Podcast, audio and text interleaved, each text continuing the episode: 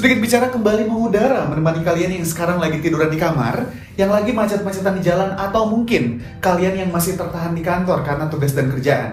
Gue Evan, sebelumnya gue mau ucapin terima kasih untuk teman-teman yang sudah support kami, baik melalui digital streaming ataupun teman-teman yang sudah support melalui pembelian merchandise sedikit bicara. Wow, ini di luar ekspektasi kami. Ternyata yang beli merchandise kami bukan hanya teman-teman deket aja, juga banyak teman-teman yang baru kami kenal. Dan berangkat dari sana, kami putuskan untuk episode ini akan bahas soal bisnis. Yang di mana bahasan ini juga mungkin nambah knowledge kami terkait dengan penjualan merchandise ataupun untuk teman-teman yang baru akan mulai bisnisnya. Dan beberapa minggu lalu, gue nemenin istri ketemu sama teman-temannya yang di mana mereka ini yang udah mulai bisnis khususnya di F&B. Dan gue langsung tembak untuk ajak ngobrol di podcast dan mereka mau. Akhirnya, di kesempatan ini kita bareng mereka. Ada Zara, halo. Halo teman-teman sedikit bicara. Di sini juga ada Dira, Halo teman-teman. ada Irna, Hai. dan ada Anfa. Halo. Halo. Wow, ini ramai banget. Oh ya. Ini rame banget. Aduh, luar biasa. Ini cewek-cewek semua dan cowoknya hanya gue sendiri. Oke. Mantap. Pertanyaan awal, kalian berteman dari kapan? Dari SMP beda-beda. Iya, Oh, iya, beda. Oh, ada yang dari SMP, ada yang SD. Oh. SMP. SD kita kan ya? Iya, SD. Oke, berarti dipertemukan bersama itu di SMA. Iya. Sebuah plot twist. Itu berarti pertemanan kalian cukup panjang ya? Panjang banget. Panjang banget. Panjang banget ya?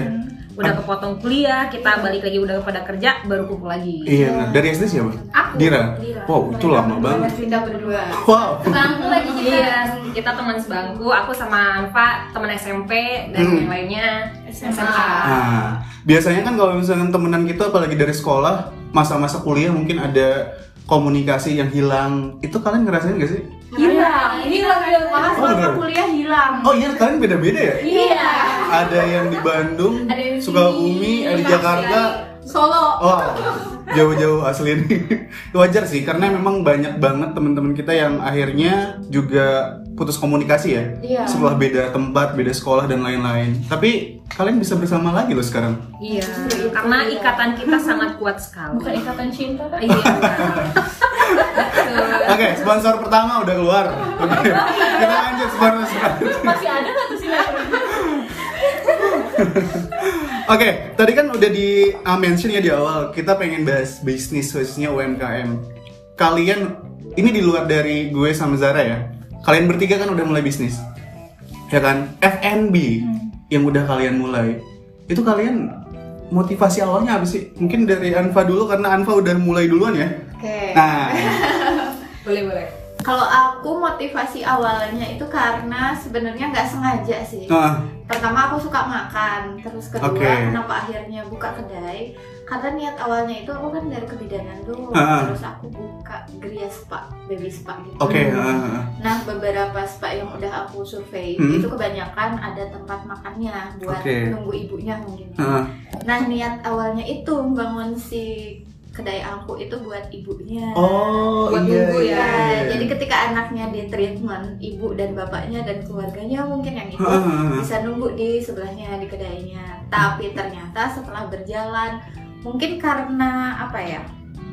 Market share-nya juga kebanyakan di Sukabumi itu anak milenial. Iya, anak muda ya. Iya, terus kedua target marketnya juga mungkin aku meleset ya. Ternyata ibu-ibu di Sukabumi ini masih pada muda-muda yang Ah, punya. hmm.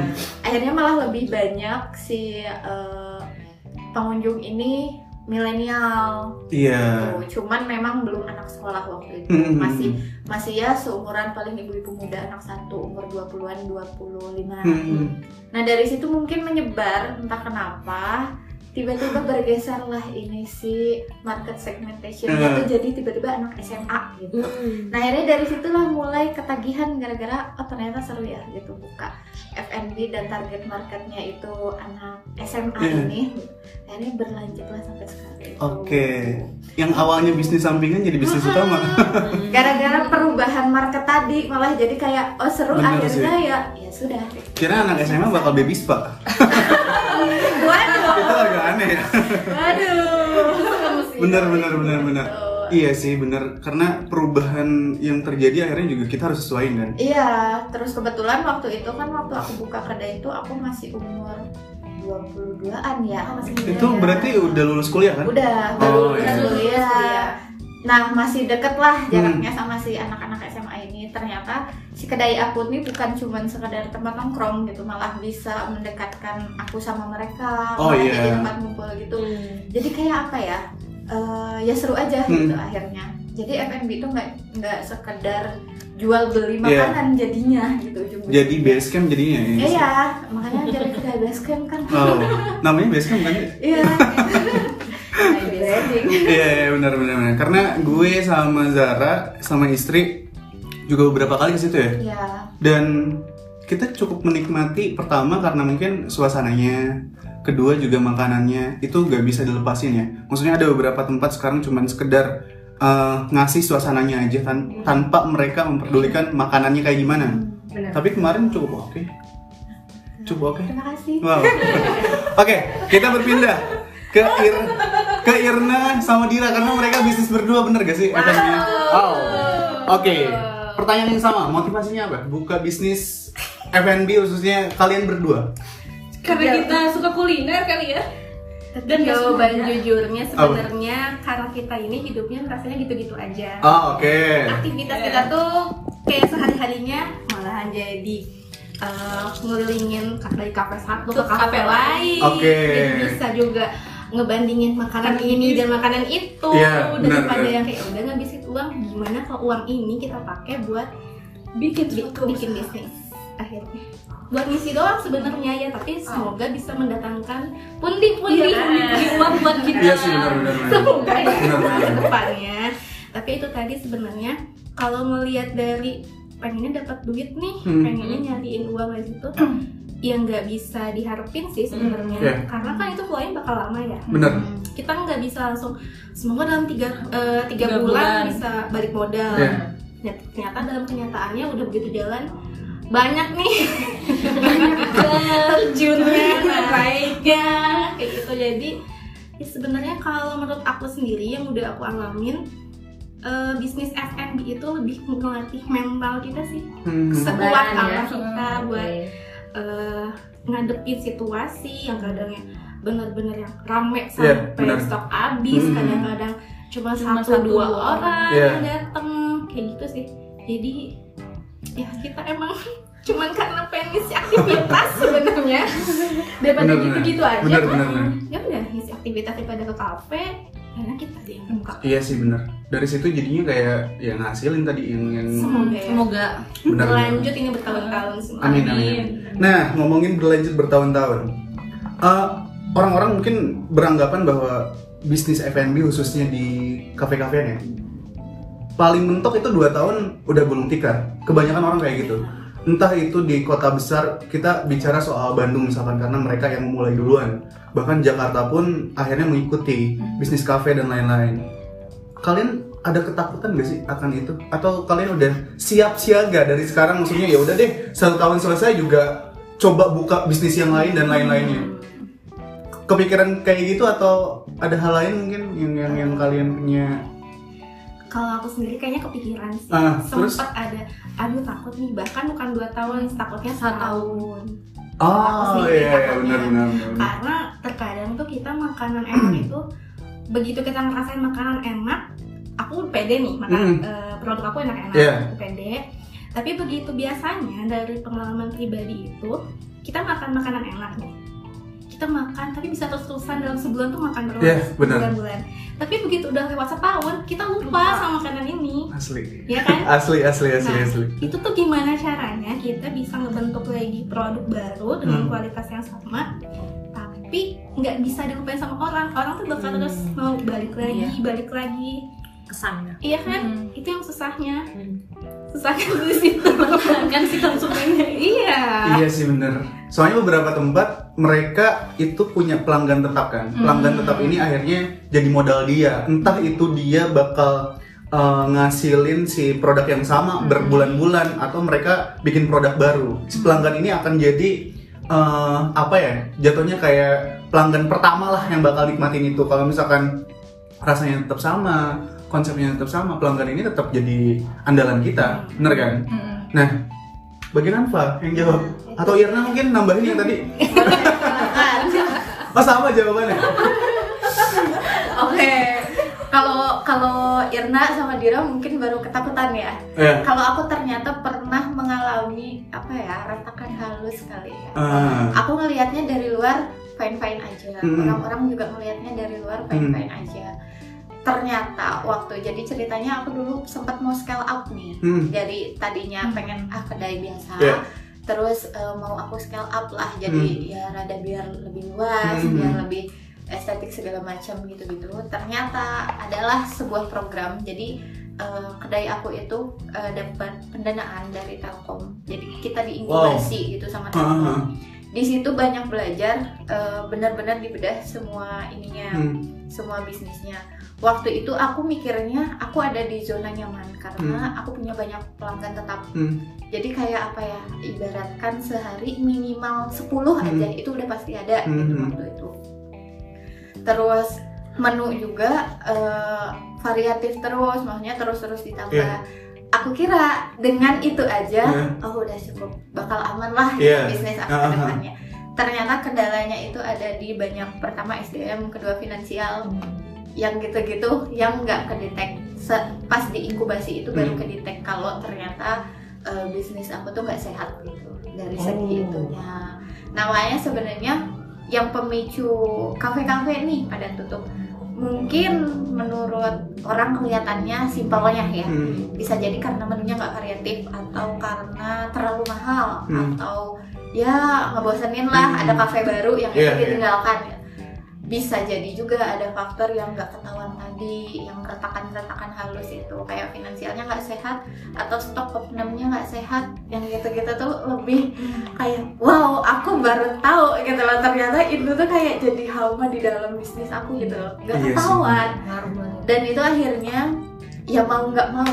Jadi nggak semua bisnis itu kayak apa ya tutupnya itu karena sepi. Tapi Hmm. bisa jadi kayak mau nggak mau akhirnya waktu itu satu-satunya saran Hmm. dari mentor aku tuh bisnis aku di rebranding Hmm. harus karena Semuanya. semuanya mulai dari menu mulai dari market segmentationnya dan semua semuanya hitungan eh, COGS-nya harus dibenerin yang gitu-gitunya dan itu kan nggak bisa ya misalkan kayak oh aku buka nih sekarang Hmm. dengan menu A terus aku mau ngebenerin nih saran dari mentor aku kayak gini biar jadi bener lah gitu nggak bisa kan tiba-tiba besok customer aku nih datang dengan menu B tiba-tiba gitu loh. Disodorin perasaan kemarin nggak gini Iya, gitu kan menunya Bener. perasaan harganya nggak gini itu bakal menghilangkan si pelanggan ini.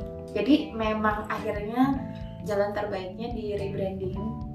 Karena di proses rebranding ini customer ini bakal lupa gitu. Hmm. gimana kita kemarin gitu jadi kayak kayak apa ya? Kayak healing gitu. Oke.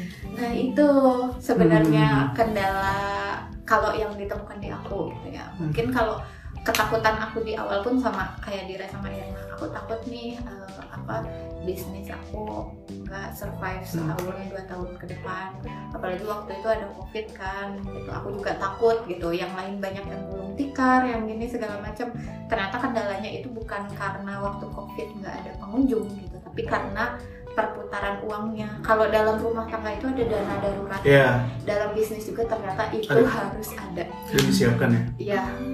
Dan itu lebih besar hitungannya dibanding rumah tangga. Iya.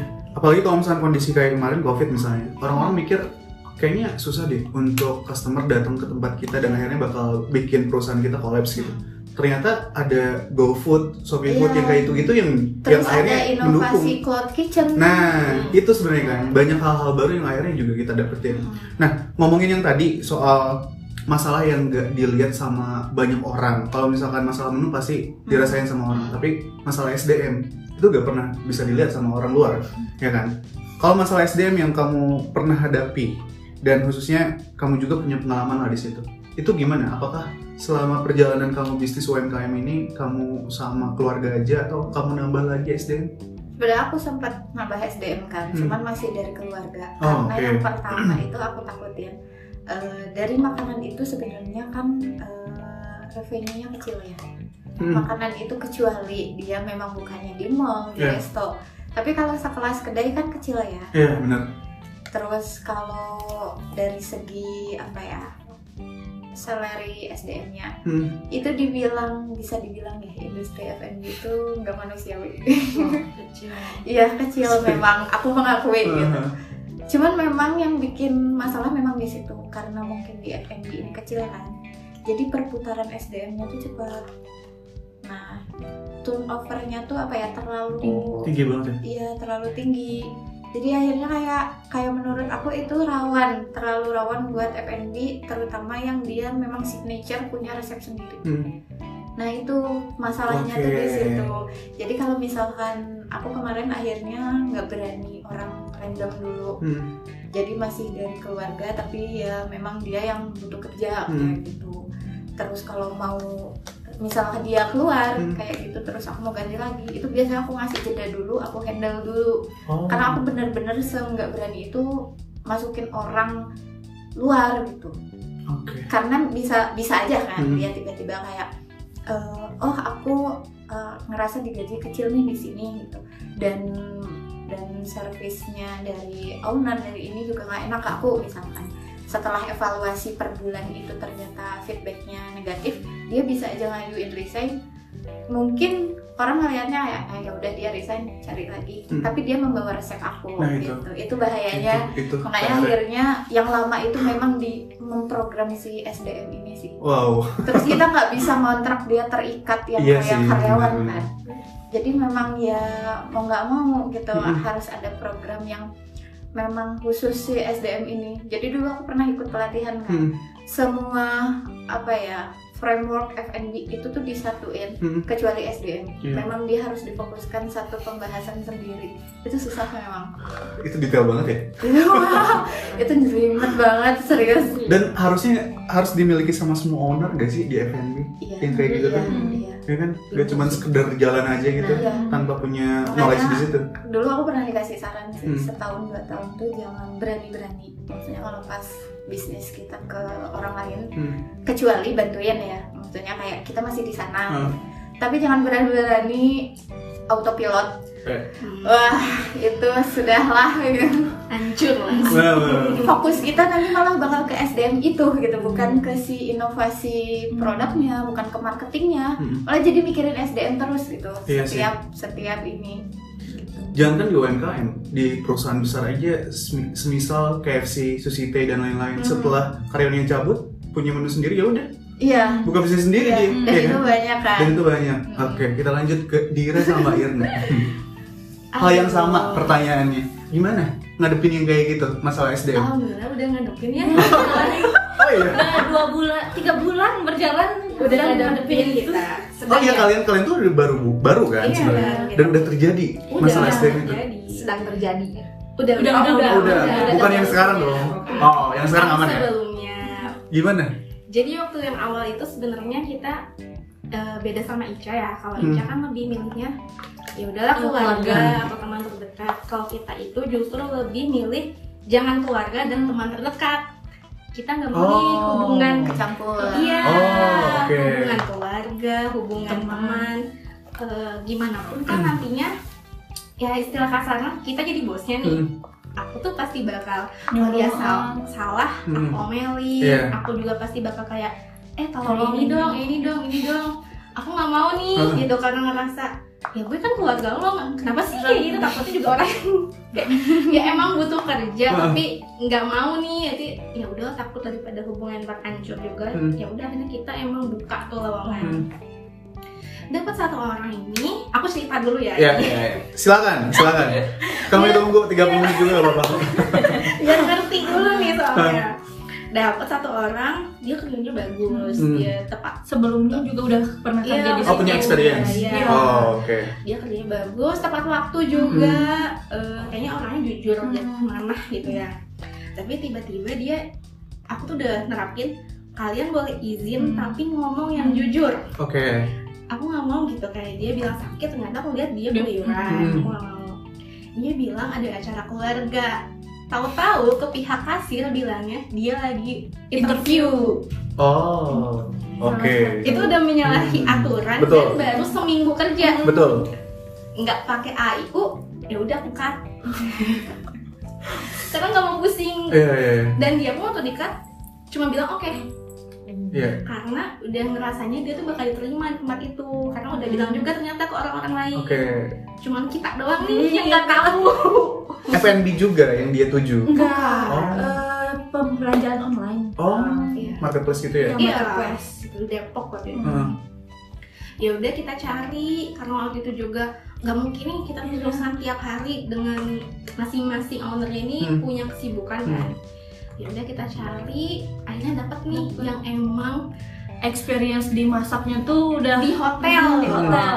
Oh, wow. Udah sampai kepala ini ya. yang tuh. Pak Beruntung Kitchen. banget kalau dapet itu ya. Nah, Kenapa? Ada case lagi. eh, dia dari teknik masak, terus juga dia ngasih tahu Resep-resep. resep-resep. Itu emang wow. Bagus Teh coba deh ini, teh Iya. coba deh itu gitu. Iya, sampai menu kita tuh bilang teh mas eh, bagusnya tuh kayak gini loh kayak gini dikasih tahu kan tapi itu cuma berjalan sekitar beberapa minggu, Beberapa minggu. sampai akhirnya dia bermasalah nih Kenapa?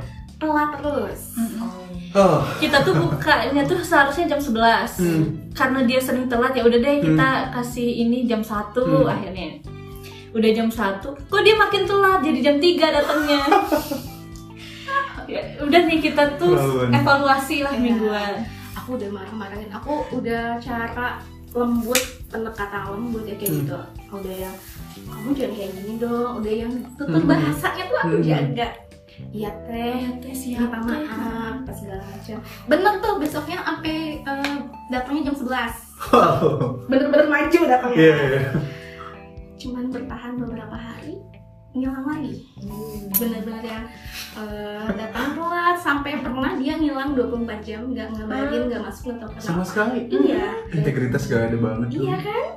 Dia bilangnya Hmm. sakit. Aku minta surat sakit. Ada. dia bilang ke rumah sakit tapi surat sakitnya ini dari dokter yang biasa dokter tempat umum. Dibilang di Prima Di salah satu dekat situ lah.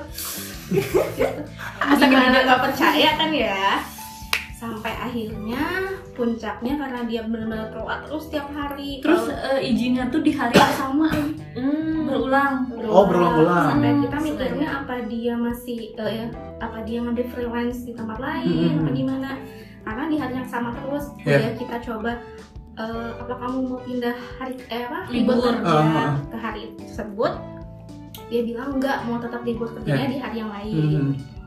sampai akhirnya waktu itu eh, alasan dia nggak masuk kerja karena Nggak ada nggak ada ongkos padahal kita sudah menggaji dan itu nggak eh, masih di awal bulan kita menggaji di tanggal 1 dia bilang nggak punya ongkos itu di tanggal 9 Jauh banget.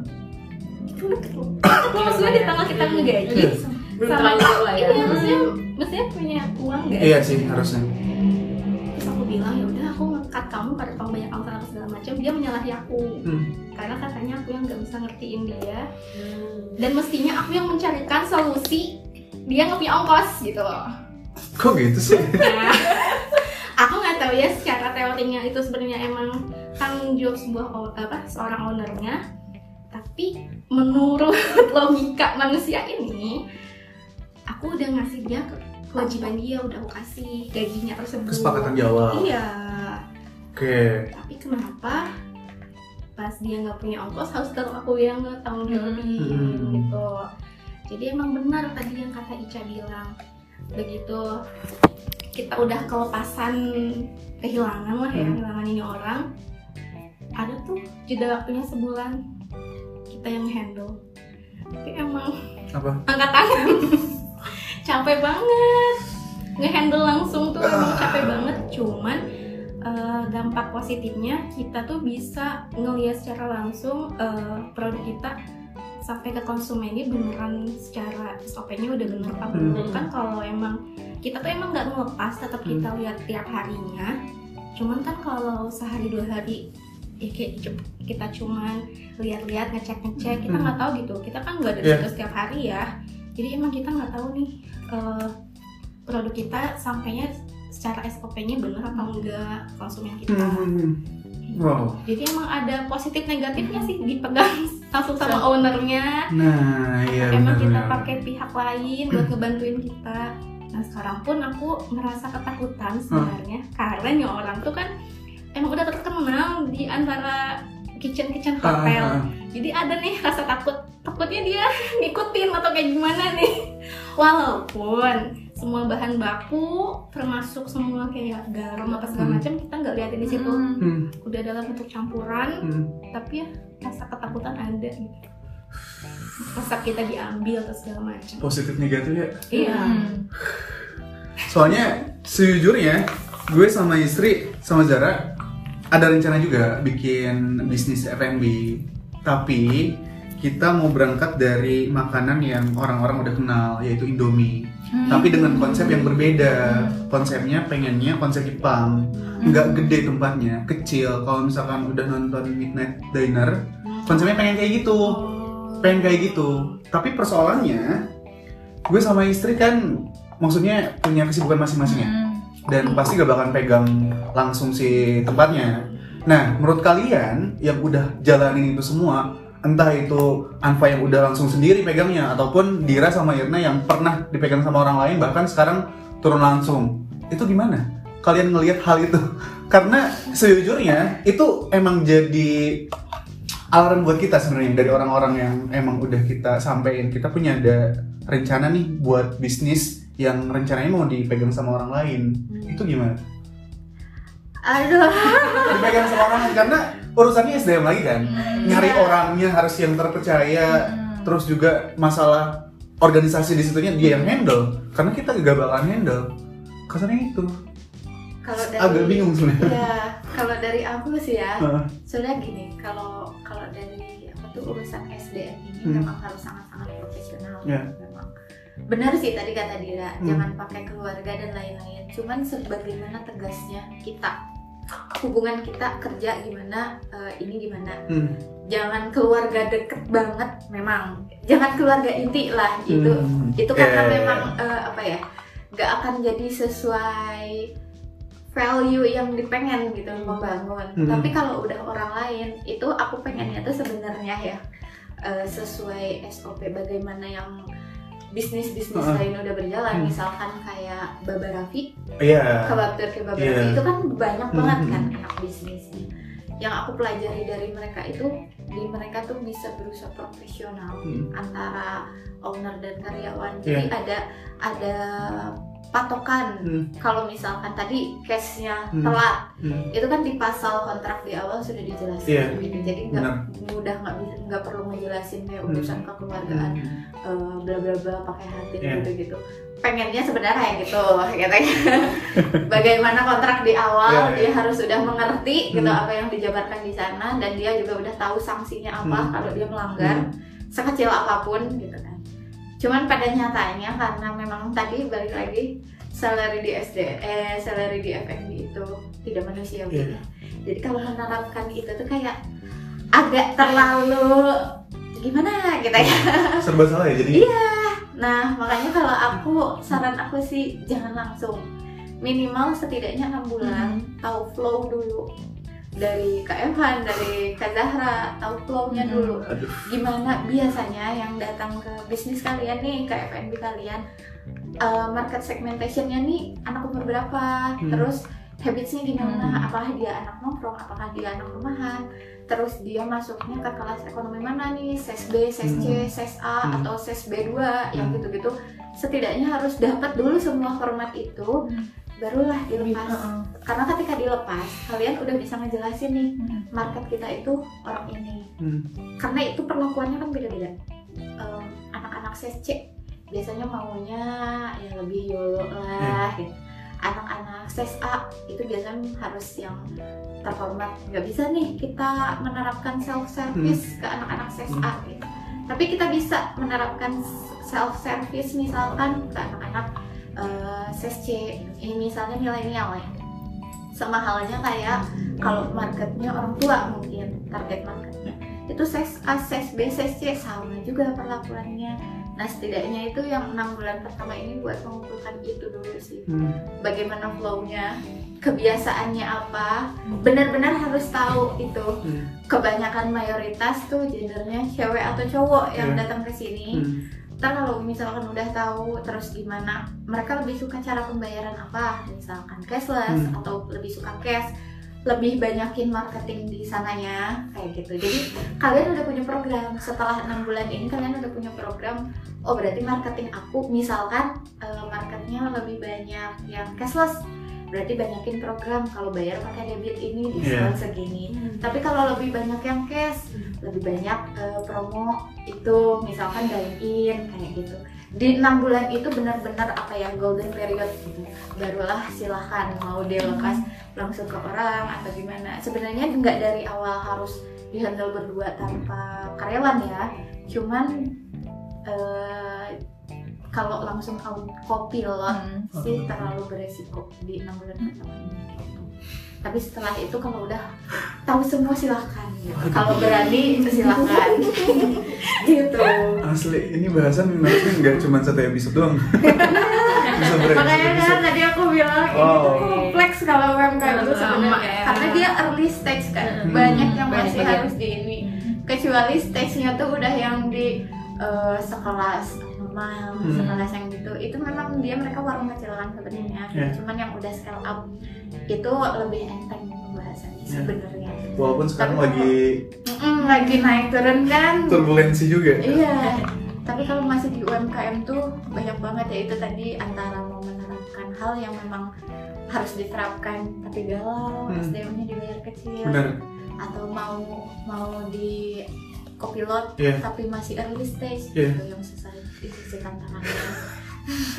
Iya itu jadi jadi masukan beberapa orang juga sih sebenarnya. Cuman itu tadi kalau misalkan kita langsung resikonya adalah Waktu. nah waktunya karena kita berbeda kota yang akhirnya juga banyak waktu yang mungkin harus dihabiskan kalau misalkan tadi Anfa bilang kayak gitu dan itu udah rencana hampir setahun ya Hmm. Udah setahun ya Udah hampir setahun. udah hampir tapi- setahun tapi belum terrealisasi Iya. karena terutama kita mikirnya soal SDM kalau misalkan masalah tempat rasanya itu masih bisa kita inilah cuman masalah SDM nggak bisa ya kan Iya. permasalahan itu random banget Iya. Hmm. ada Iya. aja ya. ada aja sih bisa ke mana-mana kan Sebenarnya ada ada cara sih Hmm. itu dulu diajarin juga sama Hmm. Mas Rex. hmm. Mas Rex itu yang punya. Iya. no. Wah. itu kan dulu ngajarin kan sebenarnya bisa aja dari Hmm. awal misalkan kita benar-benar nggak punya waktu Hmm. tapi ibaratnya kita mau merintis bisnis nih Hmm. buat eh, pensiun lah Ya. misalnya dirintis dari sekarang itu memang ada dia apa ya eh, formatnya gitu misalkan Hmm. kayak gimana nih caranya biar uang yang masuk itu terjaga nggak ada kasir yang Iya. nakal itu ada caranya kayak misalkan eh, wajib wajib ngasih struk itu kan suka ada tuh Nah, di iya. Indomaret, Alfamart Hmm. kalau dia nggak ngasih struk eh, Hmm. belanjaan gratis Iya. karena itu cara owner menjaga cash flow yang masuk Iya, benar. biar si kasir jujur terus biasanya suka ada CCTV satu khusus ngarah ke kasir, Kasir. Hmm, posisi tangan si kasir dan si customer biar ngelihat stok ini beneran dikasihin apa enggak karena nggak semua customer kan eh, ngelihat itu gitu bodo amat mau dikasih struk atau enggak gitu mau digratisin atau enggak gitu kan tapi kan kita butuh Iya. itu dan ada lagi yang dari lain yang soal resep misalkan di tanda tangan di atas materai Hmm. atau kayak cara Dira tadi bumbunya udah dicampur Iya. duluan sama kita ada sih sebenarnya banyak cara cuman yang nggak bisa didapat itu sih flow si customernya itu kita nggak bisa lihat. Kayak misalkan hari Senin kan kalian kerja nih. Nggak tahu kita hari Senin itu orang apa yang datang. Misalkan dalam seminggu udah pasti nih misalkan Sabtu Minggu kalian ada. Hmm. itu kan uh, high udah season beda ya. beda udah, lagi. udah beda Iya, lagi. udah beda lagi. Tapi kan di antara Senin sampai Jumat ini Hmm. kan kayak kita pengen tahu dong hari apa nih yang biasanya sepi promo apa nih yang bisa diterapkan di hari itu gitu. susah. Cuman dia tahu ini kayak gitu. Susah. Susah. Pikir semudah. asli asli asli. Kirain mudah tinggal bikin aja kalau ada duit udah. Aduh wah. ah. Tapi itu seninya malah. Bener sih bener sih bener sih. Tapi waktu yang luang memang rasanya bisa tuh Iya. dimaksimalin buat orang-orang yang pengen bisnis ya. Iya. Hmm. Tapi ngomongin integritas si kasir ada experience mungkin dari Nadia sama Irna Em, kalau kita alhamdulillah kasirnya aman. Oh, aman. Sampai Nggak saat ini semoga dia tidak mengecewakan kita. ya. Takut banget udah podcast ini dia ngecewa. Iya. Eh, kalau tadi kan dari Anfa itu kan secara teorinya ya Nah. emang Anfa tuh emang bagus tuh teorinya Wah, karena dia ikut biasa. seminar Luar biasa. Ikutan inkubasi banyak. Kalau aku dan Irma itu lebih ke pengalaman kita kali ya Hmm. pengalaman langsung di lapangannya kayak gimana. Kalau boleh kasih saran kayaknya Ija sama Evan ini bisa sebenarnya. Tapi buat weekday itu emang eh, Zahra ini yang harus ngecek. Ya. Kar- karena kita pun sama kayak gitu. Kita nggak setiap hari ada di situ tapi beberapa hari kita pasti ngecek kita Oh. ngeliat Kontrol ya. Iya, Hmm. kita kontrol eh, sidak dadakan lah ya. Pengen lihat juga flow-nya di situ kayak gimana, terus juga kerapian kitchennya kayak Hmm. gimana gitu kan. Dan soal SDM ini kalau kita menerapkannya gimana caranya kita ini bisa dekat sama mereka, Hmm. tapi mereka masih bisa segan sama Iya. kita. Benar. menurut aku positifnya kalau misalkan kita istilahnya eh, kekeluargaan mungkin ya. Dia kalau mau bohong tuh jadi nggak enak punya rasa Iya, nggak enak sih. nih. Karena udah kebangun kepercayaan masing-masing. Hmm. aku percaya sama dia dia percaya sama aku. Hmm. jadi begitu dia mau bohong nggak enak gitu rasanya. Itu sih. Harapannya. Iya, tapi kayaknya iya sih.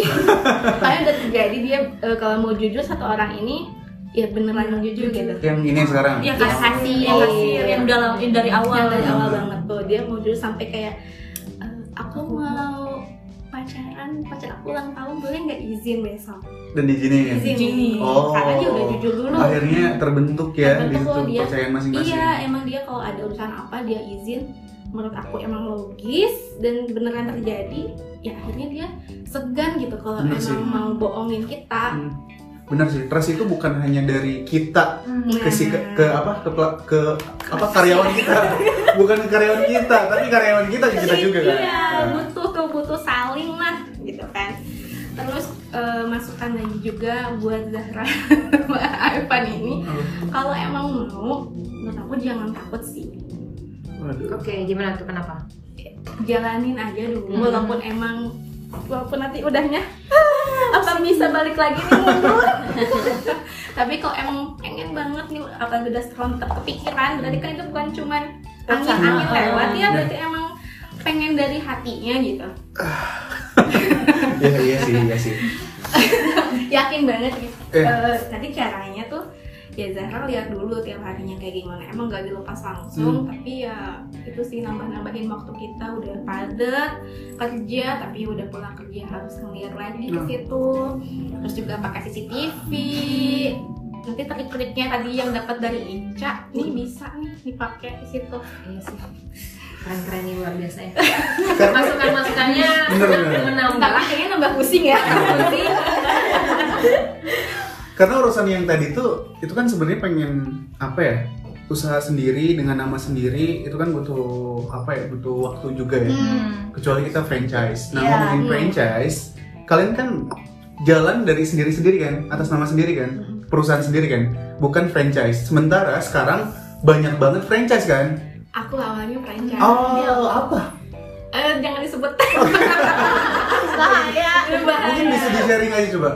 Apa apa kelemahan dari franchise kelebihannya apa gitu? Soalnya kita juga nggak menutup opsi ya untuk ambil franchise. Karena sekarang banyak banget dong ya kan? Dari makanan cuman sekedar sosis sosisan Hmm. sampai dengan makanan besar itu ada. ya ada ada. Itu gimana tuh?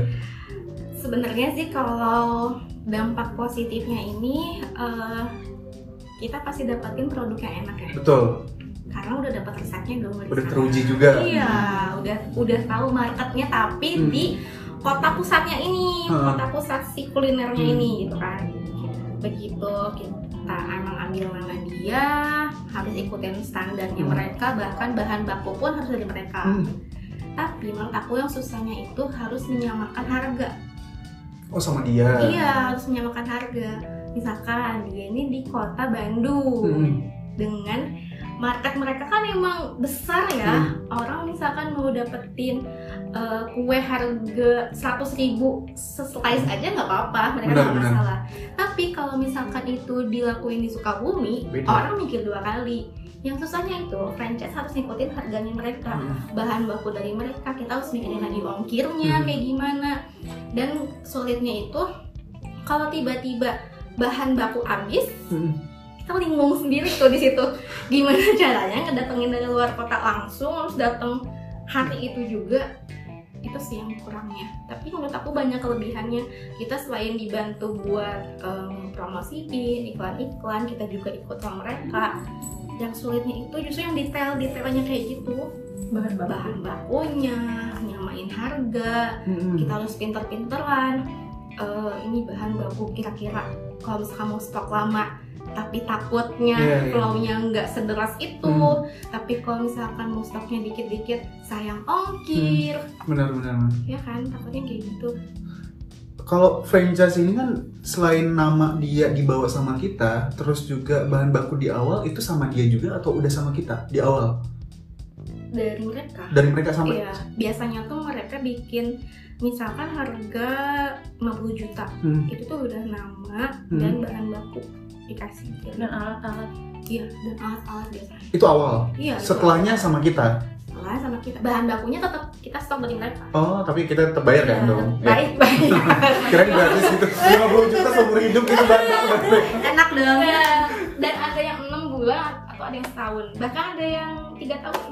Oh gitu. Kalau Iya. misalkan selesai nih tiga tahun berarti bahan baku kita sendiri yang nyari ya tergantung mau nerusin apa enggak. Kalau misalkan enggak dari mereka? Enggak, ya berarti itu kan putus kontrak. Oh, kita harus iya, nggak iya, ganti iya. nama itu nggak bisa pakai lagi nama Oh. itu berarti pasti muncul lagi kontrak baru dengan kesepakatan kalau kita pakai lagi nama itu Hmm. kita pasti dapat penalti.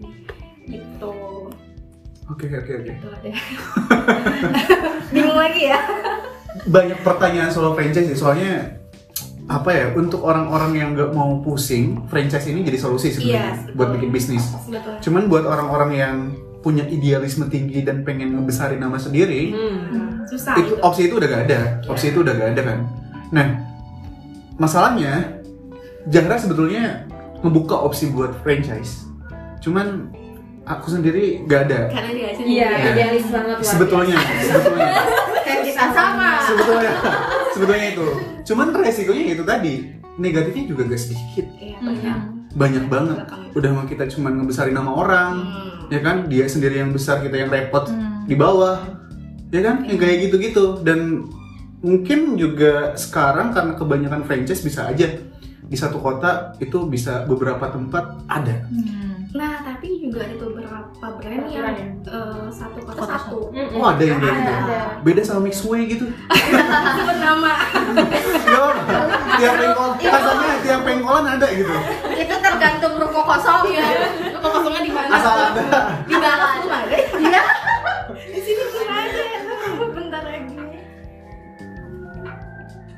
Oh iya itu musik jadi backsound jadi backsound tapi aku mau nambahin deh aku Oke, setuju boleh, tadi boleh. kata Dira Nah. di Sukabumi sendiri Hmm. hal yang menarik yang pernah aku bahas Hmm. beberapa tahun lalu sama Hmm. temen aku kebetulan dia F&B juga Ya. Sukabumi ini unik ternyata untuk eh, target marketnya franchise ini nggak cocok ternyata ya oh Iya. oh gitu Iya. orang Sukabumi ini konsumtif ya betul Iya. ya kan Iya. tapi buying power mereka rendah jadi Hmm. kalau disamakan sama harga menu kota Sepakat. besar kita nggak bisa sepakat sepakat gitu iya kan Hmm. pasti franchise yang masuk sini ya strugglingnya lumayan ya Iya. gitu kayak Hmm. yang di atas itu misalkan Yang yang berjajar franchise franchise doang oh itu yang di kebun jati yang ya itu Ah. juga terus yang deket BPJS itu oh oh struggle banget Iya. gitu ngelihatnya tuh. karena mereka memang kata Dira tadi kan harga menunya mau nggak mau ngikut harga kota Iya. besar sedangkan orang Sukabumi ini konsumtif tapi Beda buying ya? powernya rendah Iya. gitu jadi memang menurut aku sih lebih bagus brand sendiri brand sendiri ya Iya. Oh. Atau mungkin kalau misalkan bingung, Hmm. setengah-setengah tuh cobain dulu franchise Hmm. pengen lihat istilahnya kalau aku bilangnya resep eh, apa nyuri nyuri menu eh, resep, Resep, ya. nah. nanti Oh. kita bisa rebranding sendiri benar benar bikin inovasi sendiri ya dari Iya, resep itu iya betul nanti lihat lagi market di sini kayak gimana ya, tapi kan itu butuh keluarin gede iya kosnya gede di situ franchise tuh dan jangan dulu berharap dapat flow yang sama di kota besar. Hmm, iya. Misalkan di kota besar rame, Hmm. Nyampe Sukabumi, apa nih? Iya, iya. Ya. apalagi Sama. kita sering dengar di Sukabumi teh rame di awal Nah. Nah, benar-benar. tapi itu tidak terjadi kan buktinya pada brand-brand yang punya sendiri gitu Hmm. Ya.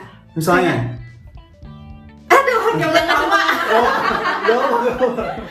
Inisial inisial. yang aku lihat ya Ah. yang udah gede gourmet Oke. dia mulai dari tempat kecil yang dago dago. Oh iya, Ya kan? iya, iya. dia cuma ada 4 5 meja lah Iya.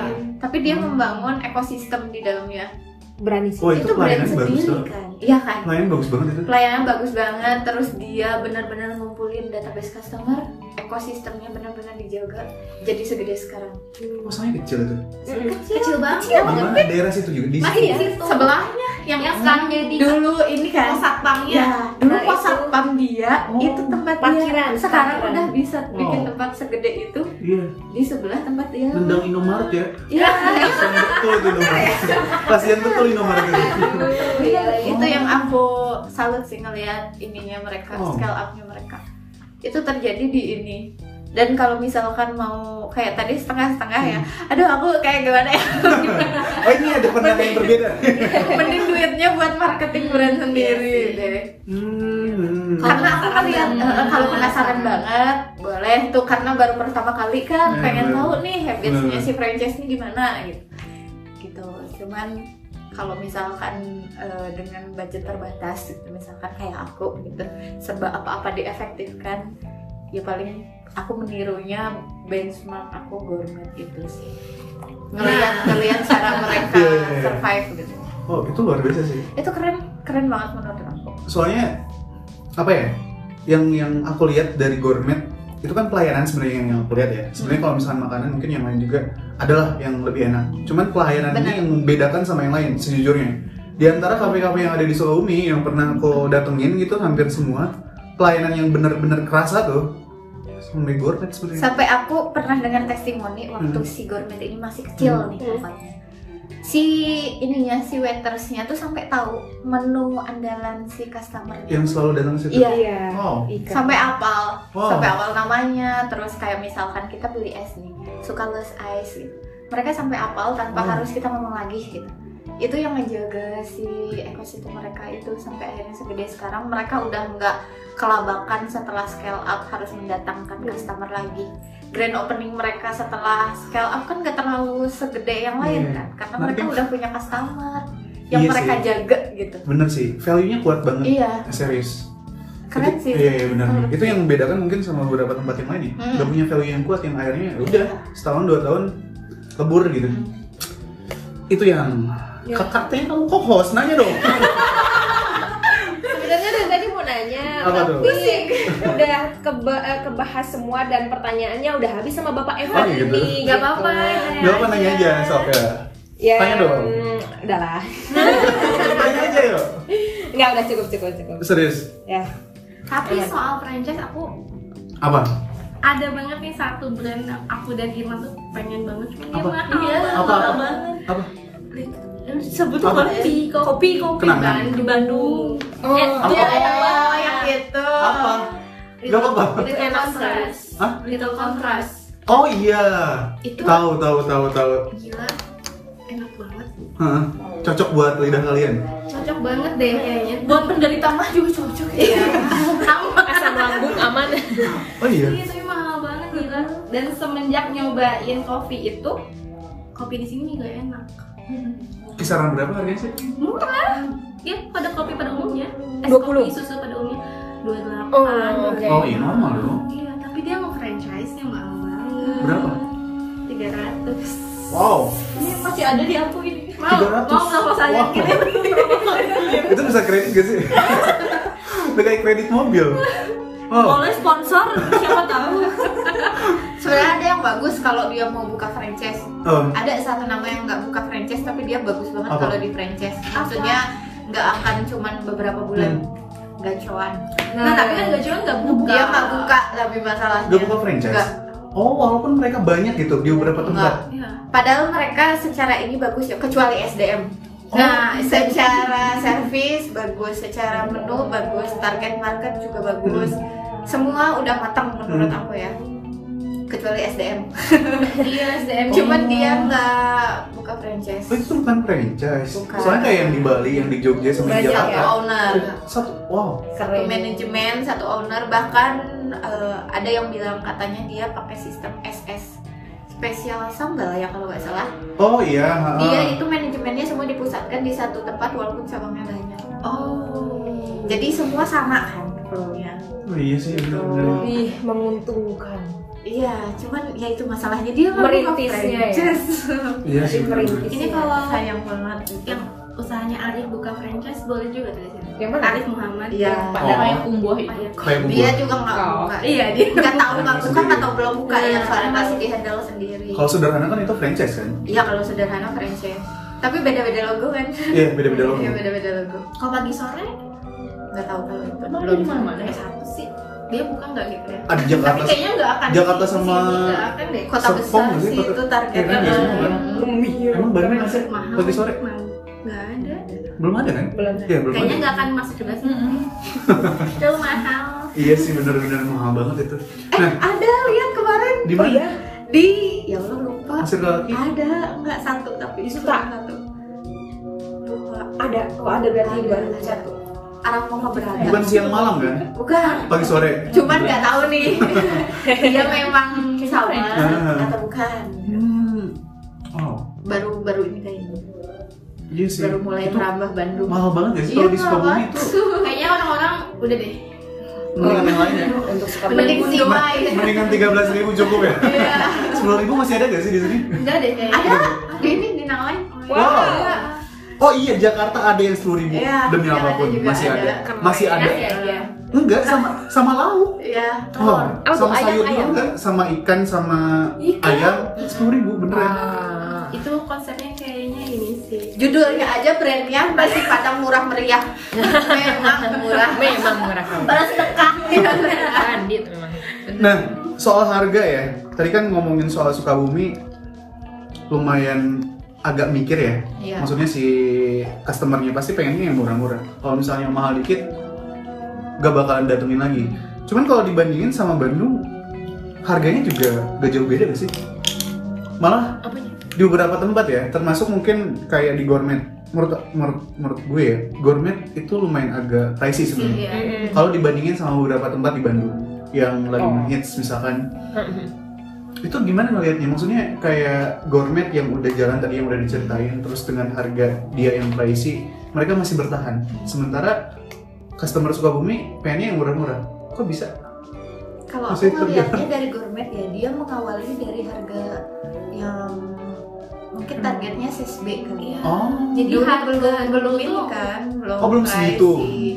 Kenapa mereka mungkin bisa bertahan sekarang? Hmm. Karena ada beberapa customer yang dulu nggak Oh. peduli sama harga sekarang karena servisnya bagus juga. iya iya. Kecuali memang mungkin dari awal udah mahal, Iya. kayak like it misalnya. Ah, itu like Jangan dibilang. Gak apa-apa, like itu lumayan mahal itu banget. memang pricey Bukan banget. lumayan, itu mahal Bukan banget. mahal, emang Mahal mahal banget. Kalau eh, mahal tapi worth it enak. Nah, itu gak worth it. Apa-apa, Sejujurnya. masalahnya Sejujurnya. Sejujurnya, Iya. mohon maaf ya bang Sebagai bahan evaluasi kalian memang kalian pricey Di antara 130 orang yang dengerin satu episode, mungkin ada orang lain yang dengerin.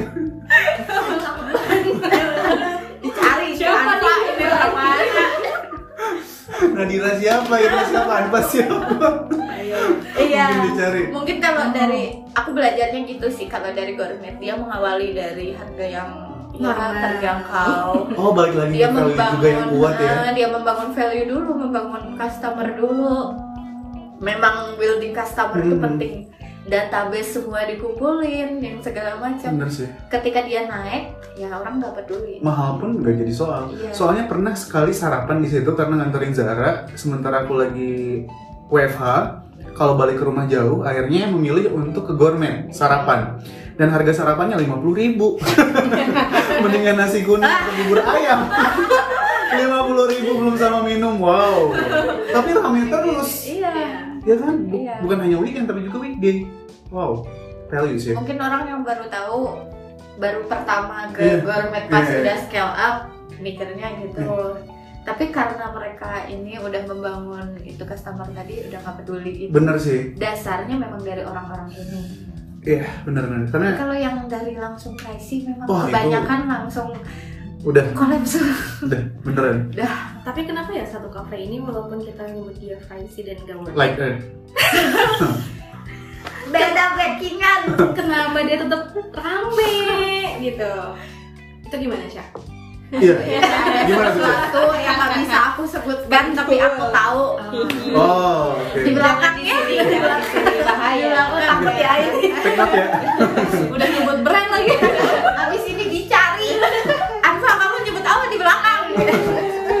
Ada satu tempat kopi di daerah Salabintana kalau teman-teman pernah tahu Ada itu banyak lagi. Ada tiga ya? ada mau kopi ya. oh itu sebut nama kopi.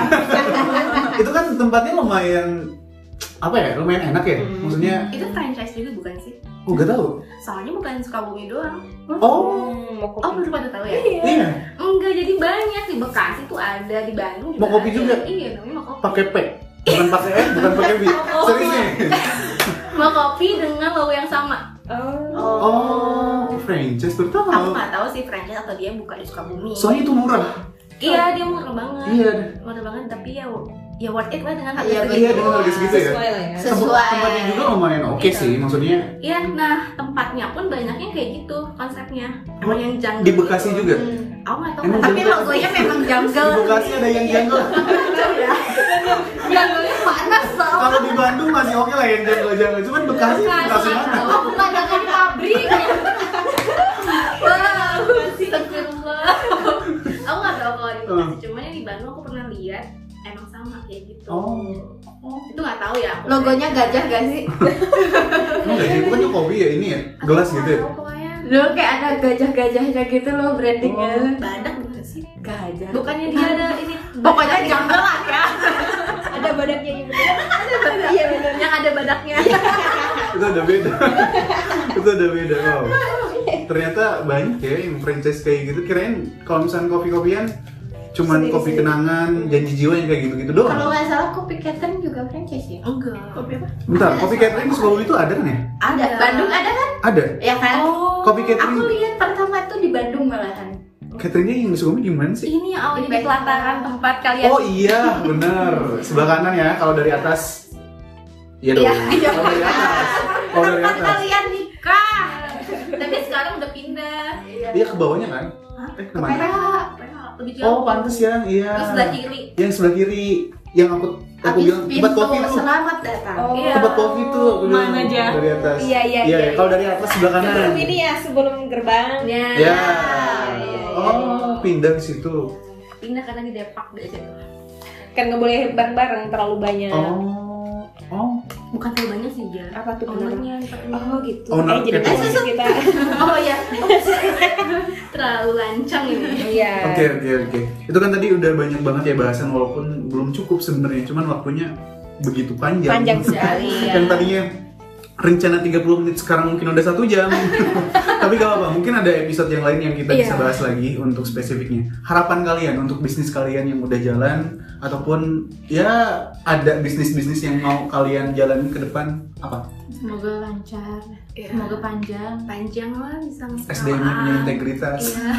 Jangan drama terus ya. Oh yang ini drama?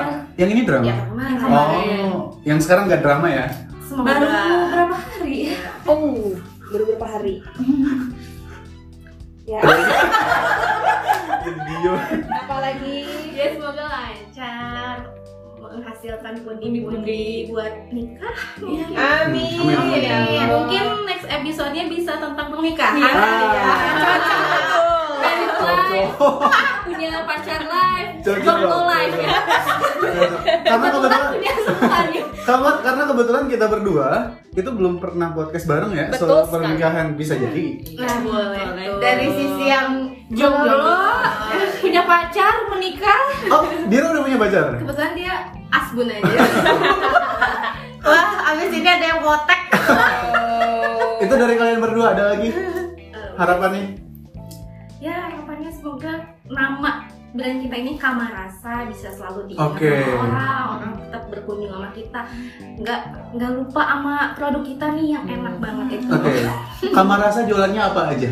kita ada nasi goreng bestsellernya Hah? tapi jangan kayak apaan sih produknya nasi goreng doang enggak nasi goreng kita itu beda enak pokoknya Oke. terus ada rice bowl dan cemilan-cemilan lainnya Berarti yang nikahan juga bisa pesen dong. boleh nah kebetulan kenapa kalian nikahnya udah tahun lalu ya boleh kan kamar rasa masuk nih kalau tahun Oke. sekarang Tempatnya, tempatnya di mana? Tempatnya di mana? tempatnya ada di Bumi Arsa di Jalan di di Sukabumi. ya Sukabumi Kota Sukabumi bukan Iya. kabupaten. kota dong kota Kota mungkin agak melepeng. enggak Enggak, enggak, jauh jauh. kota kota kota guys Oke, itu dari Dira sama Irna, dari Anfa.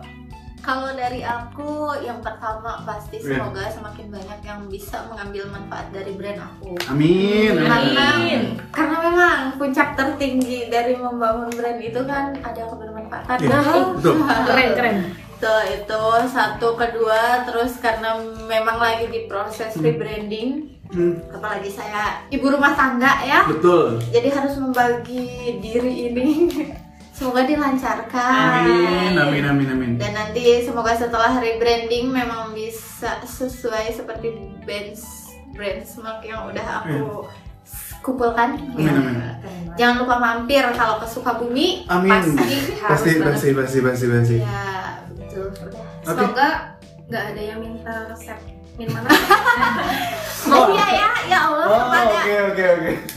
Ini kepada orang-orang yang minta resep karena Hmm. aku berani klaim ya Hmm. kalau menu aku itu Original. original memang terbaik sendiri. ya aku aku berani klaim ini menu terbaik di Sukabumi gitu karena risetnya aja tuh nggak gampang Hmm. Iya, gitu iya. ya Butuh waktu yang lama juga. butuh waktu lama uang tidak sedikit jadi ya signature kalau penasaran kenapa sampai ada orang yang minta resep harus cobain Oke.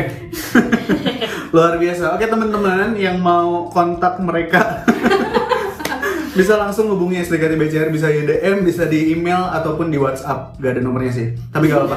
Oke. Oke. Ada lagi ya? Kamu?